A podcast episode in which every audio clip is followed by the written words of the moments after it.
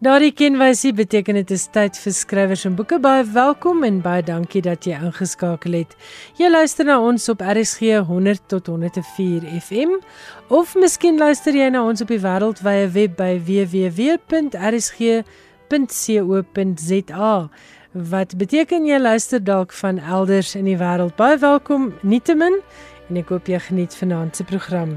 Op vanaand se skrywers en boeke spyskaart, ek gesels met Sonja van Skalkwyk Baroa, die Afrikaanse vrou wat in Frankryk woon en wat verantwoordelik is vir die wonderlike vertalings van Kuifie en ook van Asterix en Obelix. En dit is natuurlik boeke wat uitgegee word deur Protea Uitgewers. Ek het 'n paar jaar gelede met Sonja gesels oor haar Asterix en Obelix vertalings, maar vanaand praat ons spesifiek ook oor Kuifie waarvan daar 5 splinte nuwe vertalings sedert verlede jaar verskyn het. Dan is daar 'n passella uit die drama argiewe. Kobus Burger het vir my vertel van 'n kort drama, 'n mini drama van 14 minute uit die pen van Cor Norke en ons het besluit om dit sommer van dese week as 'n ekstra verrassing vir skrywers en boekeluisteraars in te sluit. Luisteraars na die ou Afrikaanse diens en al die name wat dit sedertdien gehad het, sal Cor se naam herken. Hy is ook 'n skrywer gewees van draaiboeke en dramas en romans. So 'n bietjie later luister ons dan na hierdie mini drama uit die pen van Cornorke.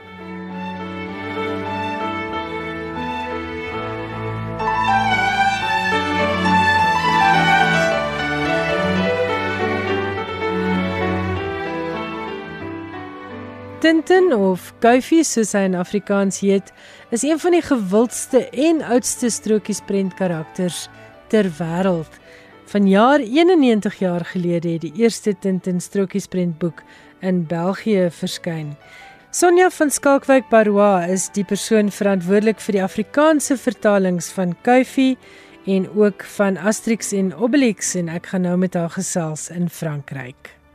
Sonja, baie welkom by Skrywers en Boeke.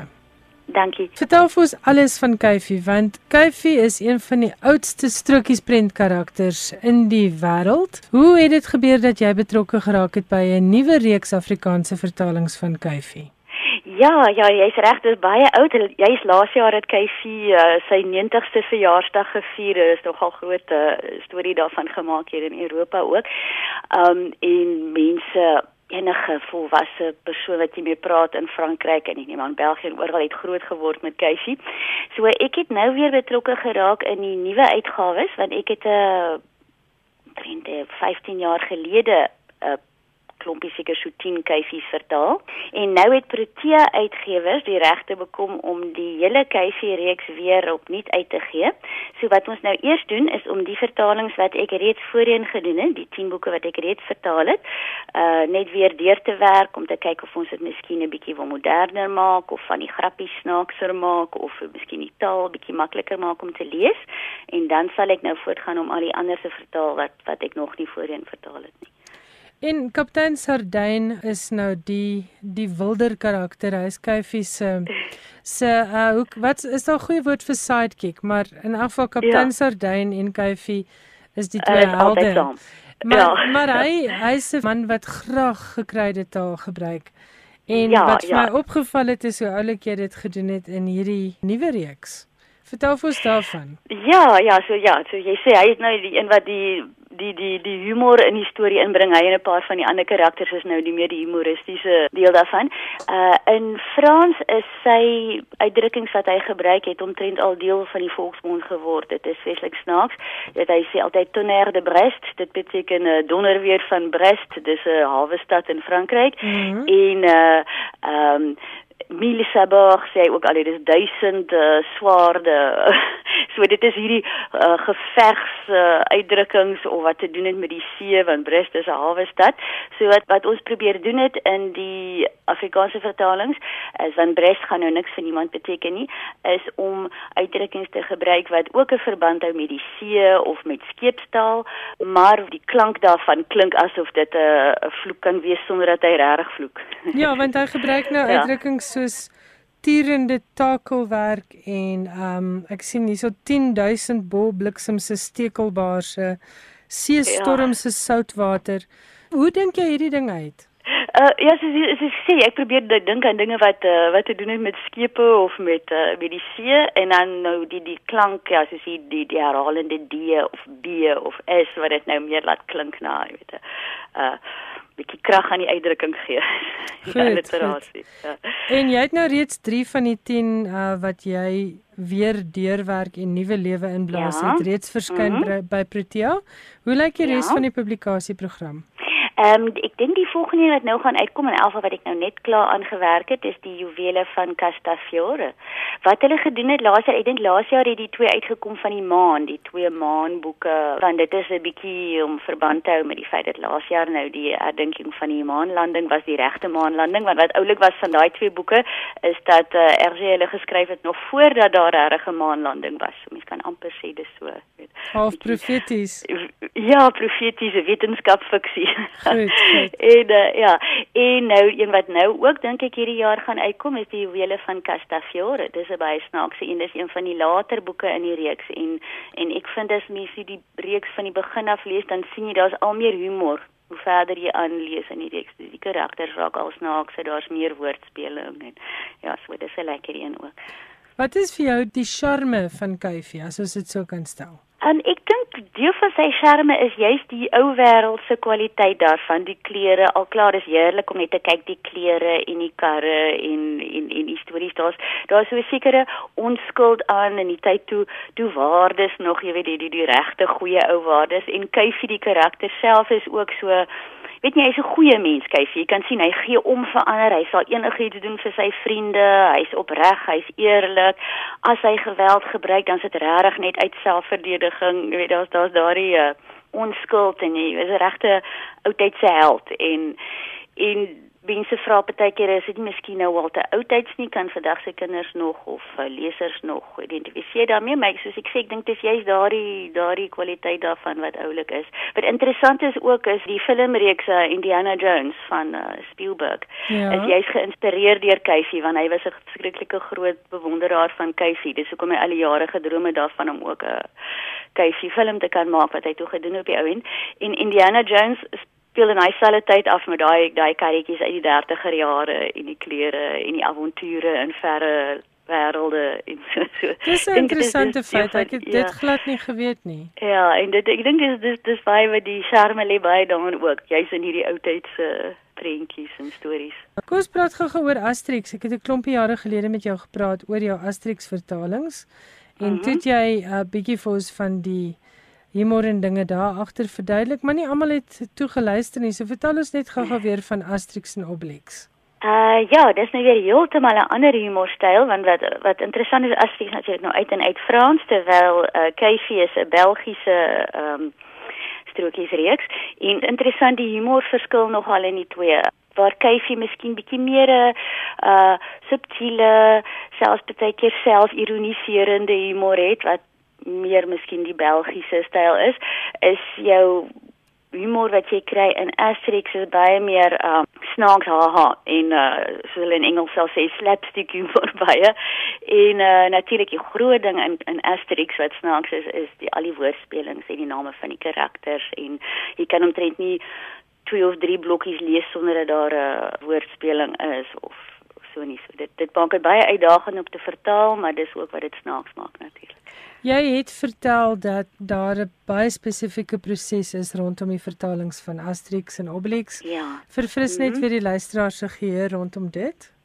Wel reeds aan die begin is dit 'n uh, 'n uh, heen en weer werkery tussen my en die uitgewer. Ek stuur eers my vertaling, dan die, dan sal die redigeerder by, by Protea dan nou vir my haar kommentaar en wysigings stuur. So ons maak eers 'n baie deeglike afgeronde produk voor ons dit stuur vir die uitgewer in Frankryk en dan het hulle 'n uh, anonieme vir ons wat hulle noem auditor, auditeur, as jy wil, persoon wat dit nou gaan deurlees. Ons weet nie wie dit is nie, wat dit die hele ding deurwerk en en dan 'n verslag daaroor skryf en enige punte wat die persoon dan nou opmerk wat hulle ding ons moet miskien verander voorstelle wat hy maak, dan kom dit nou terug na ons, dan sal ons besluit of ons dit aanvaar of nie. As ons nie die persoon se voorstelle aanvaar nie, dan verduidelik ons hoekom en dan daarna dan word dit nou die blad uitleg gedoen. So dis 'n baie deeglike storie want hulle dis uh, dis 'n ernstige saak vir hulle hier ook om die kwaliteit te beheer van al die baie uitgawes van Asterix oor die wêreld heen. En om getrou te bly aan die bronteks, né? Nee. Ja, ja, ook, ja. Geld dieselfde die daarvan, ja. Ja. ja. Geld dieselfde vir Kuifie of is dit minder streng? Uh Kuifie soos is daar nie daardie proses van die anonieme leser in wat hulle maar ons die die die proses tussen ons is nou net so streng, jy weet, tussen my en Protea waar ons nou Goed. so gaan ons baie deeglik kyk na elke punt en gesels oor die punte wat ons nie saamstem nie, maar let nou nie daardie stap tussenin van die persoon wat dit deurlees en wat hulle 'n verslag vir ons van van die van die Belgiese uitgewer se kant nee, af nie. Kasterman nie, nee. Goed, en sê vir my net 'n ander ding, hoe kom daar nog nuwe Asterix vertalings? Ja, ja, ek het nou die sal ons sê daar's nou die ou reeks natuurlik die die oorspronklike reeks trek ons nou by nommer 24. Ek is pas klaar met nommer 24. Dit is 'n uh, Asterix in België. En dan is daar ook nou die laaste paar jaar nuwe boeke wat uitkom want uh Odertso wat die prentjies geteken het van die begin af, hy het nou afgetree, hy's nou al baie bejaard en daar's nou 'n nuwe span skrywer en kunstenaar wat nou al 3 boeke, ek nou reg, 3 boeke uitgegee het. Ja. En die vertaal ons nou ook. So ons het nou ons gaan nou die nuutste ene gaan ek nou mee begin. Dit was uh, die dogter van Vercingetorix. Vercingetorix is die ou generaal van die Galliërs wat beklei het teen Julius Caesar en nou hierdie boek het nou bietjie meer van 'n feministiese kleur want dit is nou sy dogter wat nou 'n karakter in die storie is. Goed, goed. Net vinnig, jy wat nou ervare Asterix en Obelix leser en kenner is, vind jy dat die nuwe span uh, reg laat geskied aan die ou konsep? Ek dink so. Ek dink hulle kry dit nogal baie goed reg. Die prentjies natuurlik kan jy glad nie 'n verskil agterkom nie. Dit kon net sowel Oudert so gewees het wat dit geteken het. Hy kry dit uitstekend reg.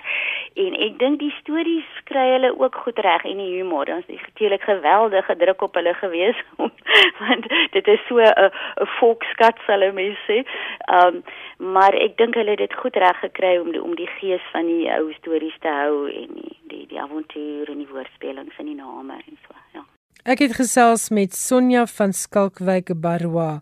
En net weer daardie titels en dit is almal te kry by Protea Uitgewers. Bestemming Maan en Verkenners op die Maan is die twee boeke wat verlede jaar verskyn het om saam te val met die maanlanding. En dan Kuifie in Amerika, Die geheimsinnige ster en Die sewe kristalballe is ook reeds op die rakke. En wat die Asterix en Obelix reeks aanbetref, Ek sien met die laaste opdatering was daar 22 Asterix en Obelix titels wat reeds in Afrikaans uitgegee is deur Protea. En as jy sukkel om Kuifie of Asterix in Afrikaans in jou plaaslike boekwinkel of in jou dorp te kry, gaan maak gerus 'n draai op Protea Boekhuis se webwerf. Dit is proteaboekhuis.com en bestel sommer direk daarvandaan. Skrywers en boeke elke woensdag aand tussen 8 en 9. En nou vir die beloofde mini-drama uit die pen van Cornorkie. Hierdie opname kom uit 1993. Ontspan en begin lewe deur Cornorkie.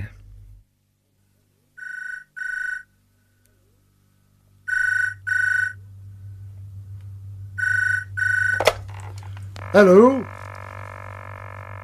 Verteksels. Wat is nou weer aan die gang? Juffrou Matthee. Juffrou Matthee. Ag, oh, verduivels. Of die vroumense is al weer van die skakelbord af weggeloop sonder om die lyn weg te neem. Ook geen antwoord nie. Wat op aarde gaan vandag in hierdie kantoor aan? Juffrou van Wyk. Juffrou van Wyk.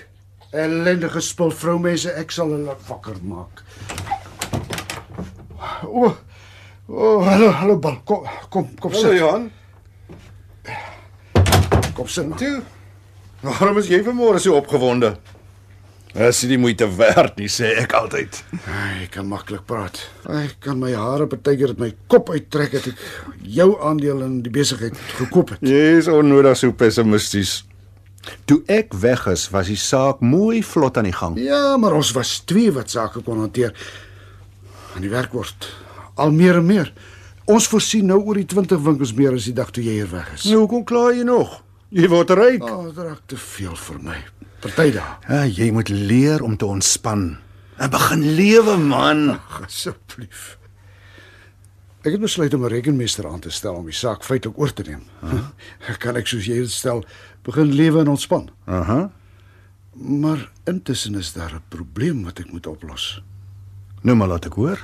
Dis 'n verband met die voorrade.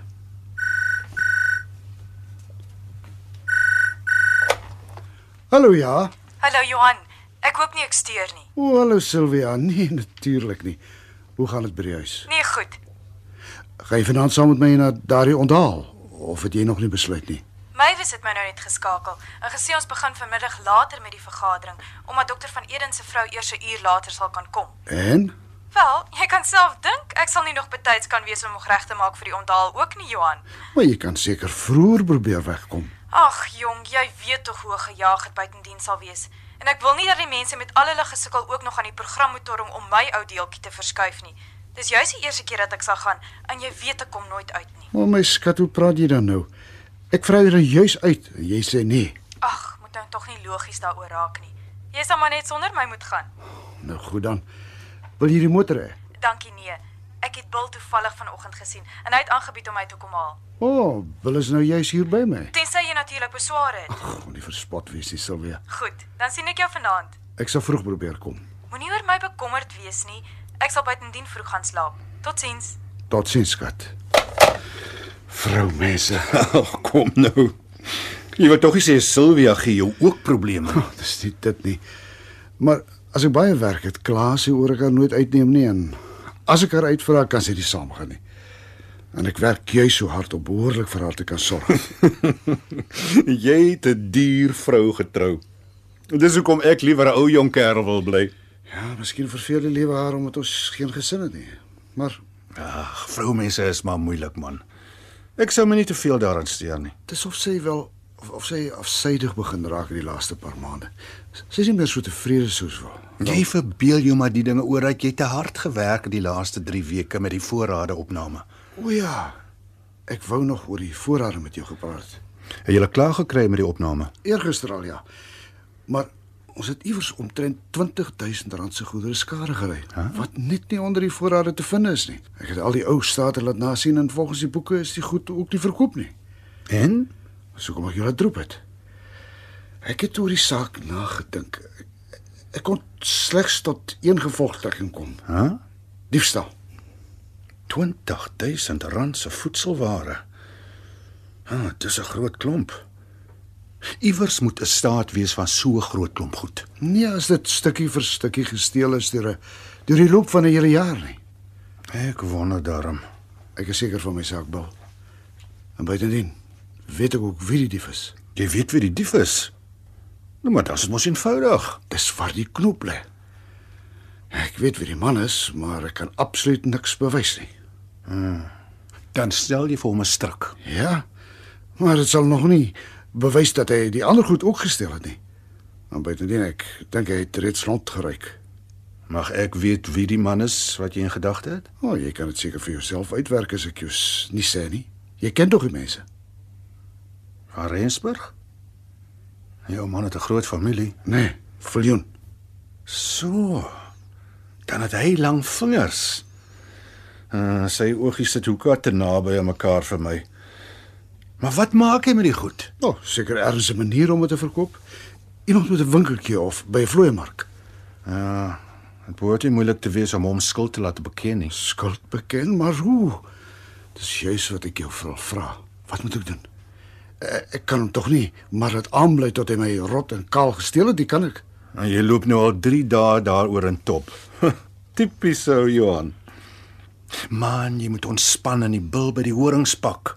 En maak die saak klaar. Sê net hoe. Ek kan aan niks dink nie. Ek het hom juis gesê ek wil vanmiddag met hom praat. Moenie. Ek het 'n beter plan. Ja? Kyk. Enige mens kan op een of ander manier gedwing word om 'n erkenning van skuld te maak. Hang af wat die misdaad is en op watter manier 'n mens sy gewete bietjie kan stimuleer. Wat bedoel jy? Vat nou maar vir Viljoen. Hy is die bang soort. Ek het gesien daardie dag toe die trailertjie omslaan en hy skielik 'n beverasie kry. Hy is nie die soort wat grappies vertel in 'n loopgraaf nie. Jaag die vrees van die duiwel in hom in En sy gewete sal sing soos 'n kanarie. Maar ek kan tog nie 'n geweer teen sy kop hou nie. Hy sal tog weet ek is nie so gek dat ek sal skiet nie. Maar jy gaan ook nie. Ek sê jou sê wat ons doen. Ja. Vra hom of hy Saterdagmiddag oor tyd sal kom werk. Is daar nog voorrade wat jy moet opskryf? Nee, maar ek kan hom altyd vra om 'n paar goed weer na te gaan. Pikfyn. Laat hom dit Saterdagmiddag doen. Nou. Hier is my plan om sy gewete spraaksaam te maak. Wat is dit wat ek moet doen, meneer? Kom saam met my na die stoor toe, Viljoen. Ek wil hê jy moet saam met my die voorrade gaan Maar opskryf. meneer, eh, ons het klaar al die voorrade daarna gegaan. Daar is 'n paar goed wat ons weer moet nasien. Daar is ja, ek wou nie hê jy moes dit normale werksure doen nie, want ek wou nie hê iemand anders moet daarvan weet nie. Hoekom, meneer? Daar is van die goed gesteel, Viljoen. Gesteel, meneer. Ja, 'n hele paar duisend rand se goed. Ek dink dit is ou van Rensburg se werk. Uit 'n groot gesin. Hy is die enigste een wat dit kon gedoen het. O, oh, Melgaard van Rensburg, meneer. Ja, ek het reeds vir hom 'n brief geskryf om hom af te dank, maar ons moet opskryf hoeveel goed weg is, want ek gaan 'n saak teen hom maak. Ja, ja, meneer. Nou, kom laat ons begin. Ek moet voor 6uur vanaand klaar wees. Uh, Bring 'n bietjie vir ons die koelkamer se sleutel. Dit is daar agter die deur. Uh, ons sal in die koelkamer begin.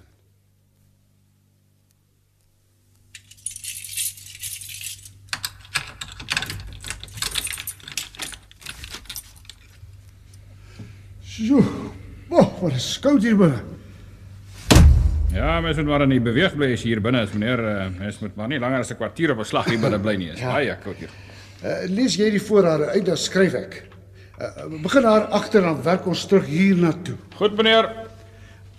Nee, maskas, maar is daarom te koud hier binne. Ek sê jou sê wat ons doen.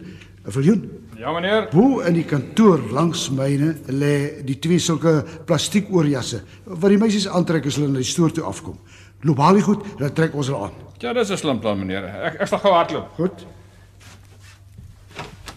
Uh, kan ek net die sleutel kry, meneer?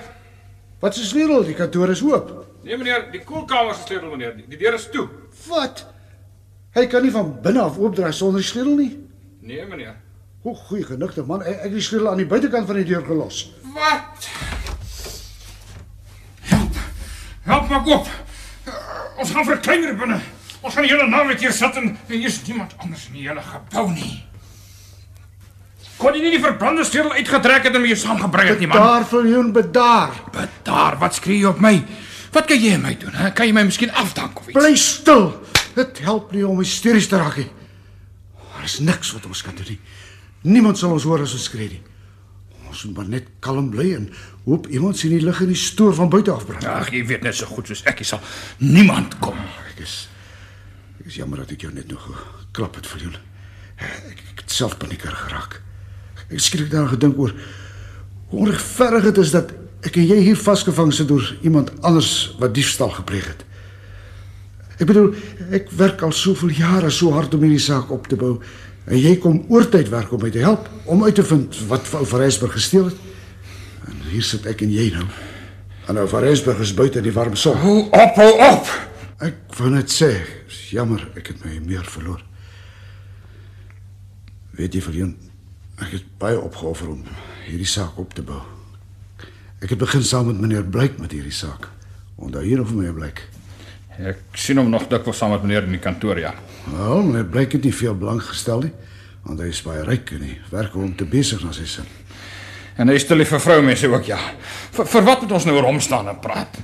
Weet jy Viljoen, ek het party daar tot 20 uur lank moes werk om die saak in die gang te hou. My vrou het later nie meer geweet hoe ek lyk nie. Hier sit ek nou. Ons kom dalk nooit weer uit nie. Net nou het ek skielik die gevoel gekry dat ek dalk nou boet vir 'n vreeslike onreg wat ek iemand aangedoen het. Ons moet net hier uitkom. Ons moet net hier Maar uitkom. ek kan net nie aan iets dink wat ek gedoen het nie. Toe wonder ek of daar nie dalk iets is, Wat is? wel, iets wat jy gedoen het. Waaraan jy kan dink. Iets wat ek gedoen het. Waarvan praat jy nou? Ek dink nou maar aan een of ander onreg teenoor iemand anders. As daar een onreg is waaraan ek kan dink waar voor iemand nou gestraf word, dan is dit jy wat dit gepleeg het. Jy's ryk, maar jy sleep hier op 'n Saterdagmiddag in jou eie plek rondom 'n saak op te bou teen 'n arm man wat jy te min betaal en wat moet steel om aan die lewe te bly. Jy het my nooit gesê dat jy ontevrede is met jou salaris nie, Viljoen. Ek, my salaris. Ek praat van van Rensburg. Hy het 'n groot gesin en hy kry swaar. Wat? Jy gedink ek praat van my eie salaris? Jy gedink ek sê jy probeer 'n saak opbou teen my? Wag 'n bietjie, wag 'n bietjie. Wat maak so? Viljoen, Wag, wag net, Philip. Jy vat hom weer van die deur af. Wat? 'n Bankmasjien. Jou skrik.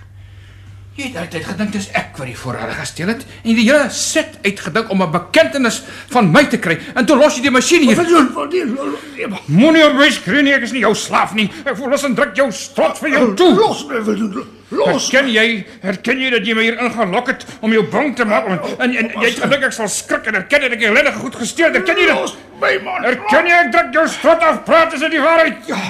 Ja. Ja, dis dit is die waarheid. Kart jy sal bot hiervoor. Waar's die sleutel? Ek het dit nie hier. Jy lieg man, waar's dit? Iemand anders sal die deur enige oomblik nou kom oopsluit van buite af.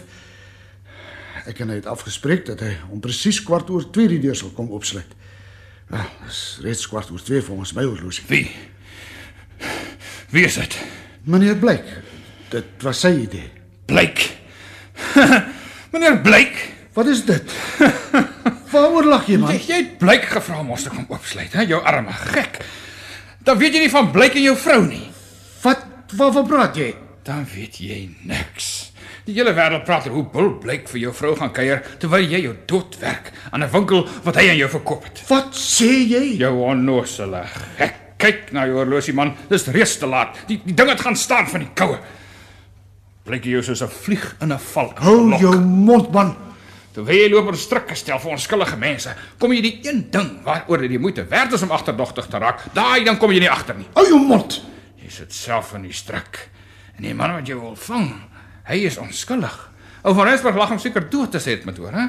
Maar ek twyfel of blyk ooit vir hom die storie sal vertel. Bly stil. Viljoen, wie het jy hoor praat oor Blyk en my vrou? Blyk en my vrou. Ons moet gou speel. Ons moet alles neerskryf. Hy mag nie daarmee wegkom nie. Ons moet alles neerskryf. Hy, hy moet gevang word. Hy sal nie wegkom nie. Slim gedagte. Skryf dit in duplikaat sodat my naasbestaanis ook 'n afskrif kan kry. Ah, Bill. Wat stel jy so verslaan? Kom uit. Nee, die wet was bang jy kom dalk nooit oopsluit nie. Wat bedoel jy? Sy agterdogtigheid het hom uh, vir hom 'n paar benoude oomblikke besorg. Johan? Wat maak jy jou man? Bly stil man. Kom ou kerel. Jy's gans te oorspanne. Jy moet leer om te ontspan.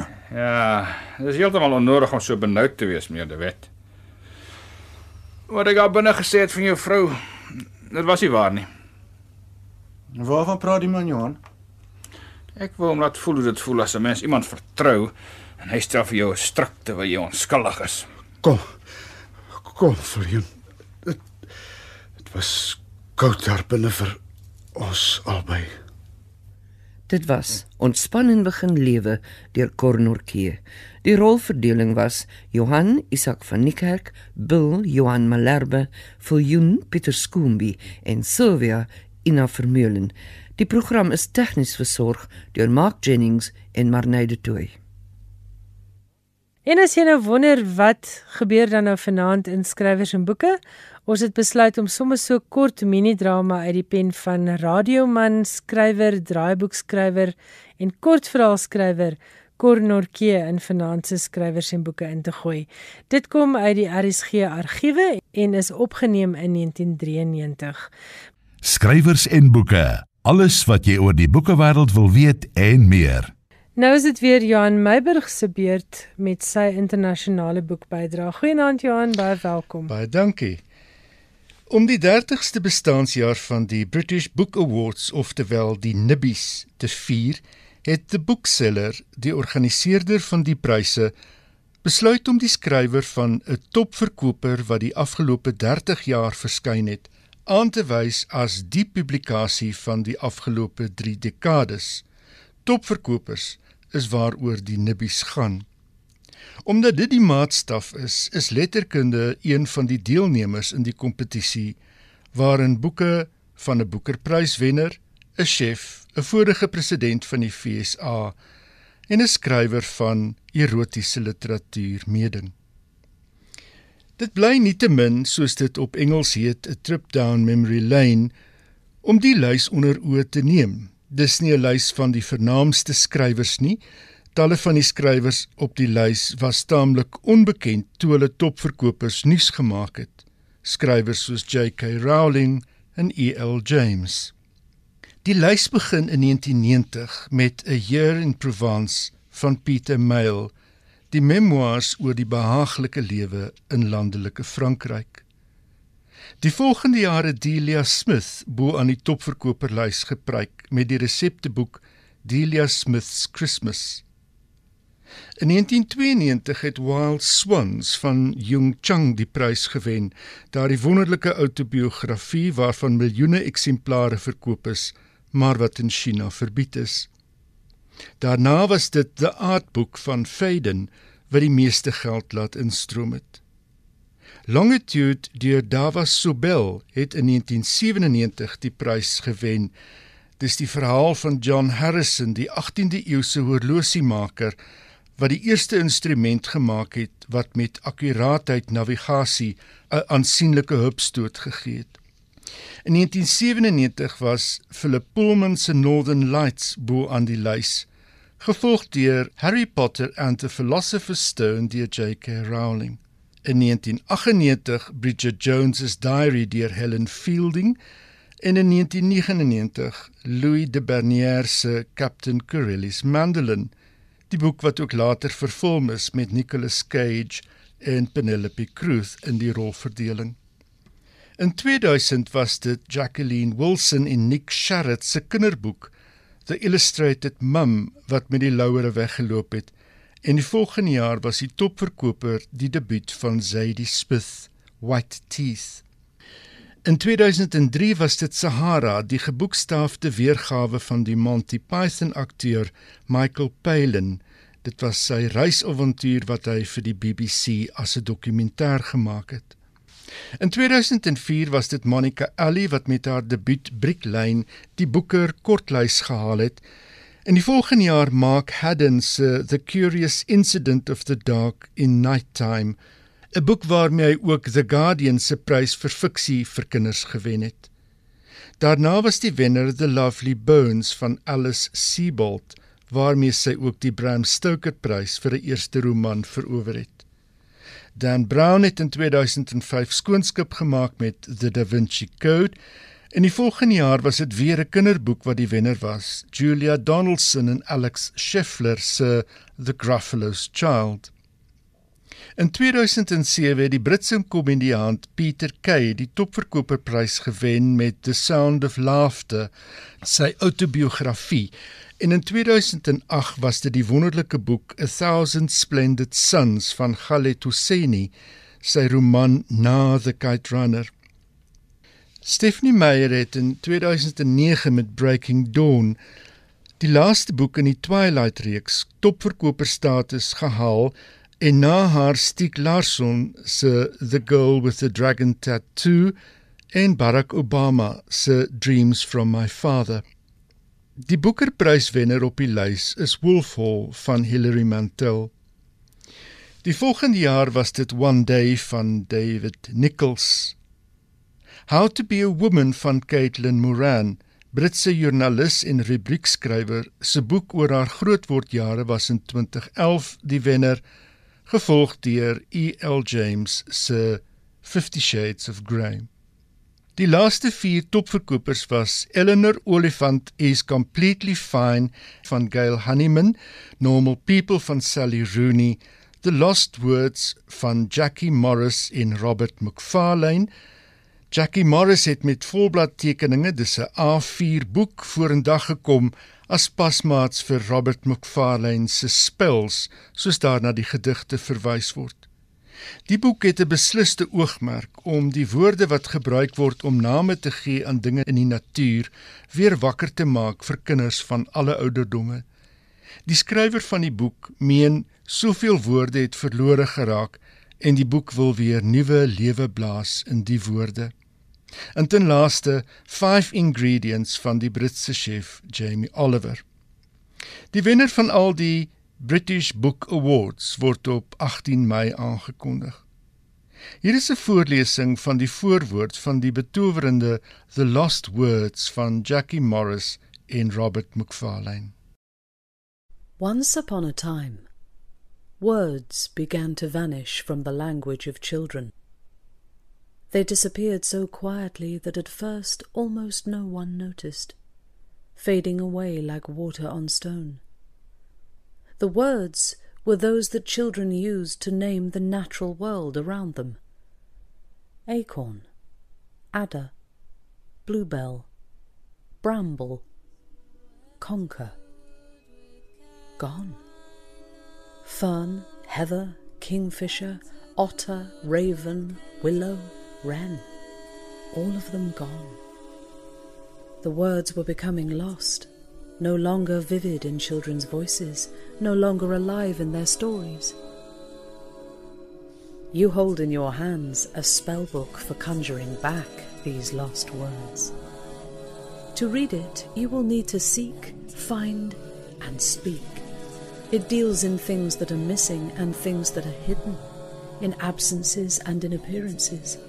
It is told in gold, the gold of the goldfinches that flit through its pages in charms, and it holds not poems, but spells of many kinds that might just, by the old, strong magic of being spoken aloud, unfold dreams and songs, and summon lost words back into the mouth and the mind's eye. Dit was dan 'n uh, voorlesing uit die boek The Lost Words van Jackie Morris en Robert McFarlane en dit kom uit die voorwoord van hierdie boek. Johan, wat's volgende? Gepraat van topverkopers. Dat die Amerikaanse skrywer Jody Picoult 'n topverkoper is, is nie altemit nie. Om 14 miljoen eksemplare wêreldwyd te verkoop is reeds aanduiding van topverkoper sukses. In boonop is haar romans al in 34 tale vertaal. Pas het 'n 35ste vertaling verskyn. Haar Plain Truth van 2001 het van dese maand in Afrikaans verskyn as Die Belydenis. Die vertaling is gedoen deur Daniel Hugo en die boek word uitgegee deur Jonathan Ball. Jody Picoult is skrywer van talle topverkopers waaronder My Sister's Keeper, 19 Minutes, The Storyteller, Small Great Things. Is al by verskeie geleenthede bekroon onder meer met the New England Book Award. Sy woon in New Hampshire in die FSA. Die belydenis is die verhaal van 'n jong ongetroude vrou in die Amiese gemeenskap in die FSA wat van moord aangekla word. 'n Pasgebore baba is in 'n skuur gevind en alle vingers wys na die 18-jarige Katie Fisher. Sy hou egter vol sy is onskuldig.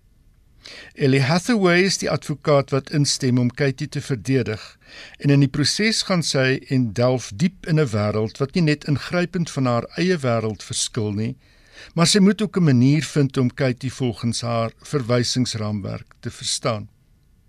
Corneels Bruitenberg, oud uitgewer en skrywer, het die verskyning van die boek aangeprys as 'n uitstekende vertaling wat Pico se skryfwerk in Afrikaans beskikbaar maak. Ek moet vir jou sê ek het begin om die boek te lees en ek vind dit baie interessant want ons weet niks van die Amiese kultuur nie. So dit alleen is lekker leesstof.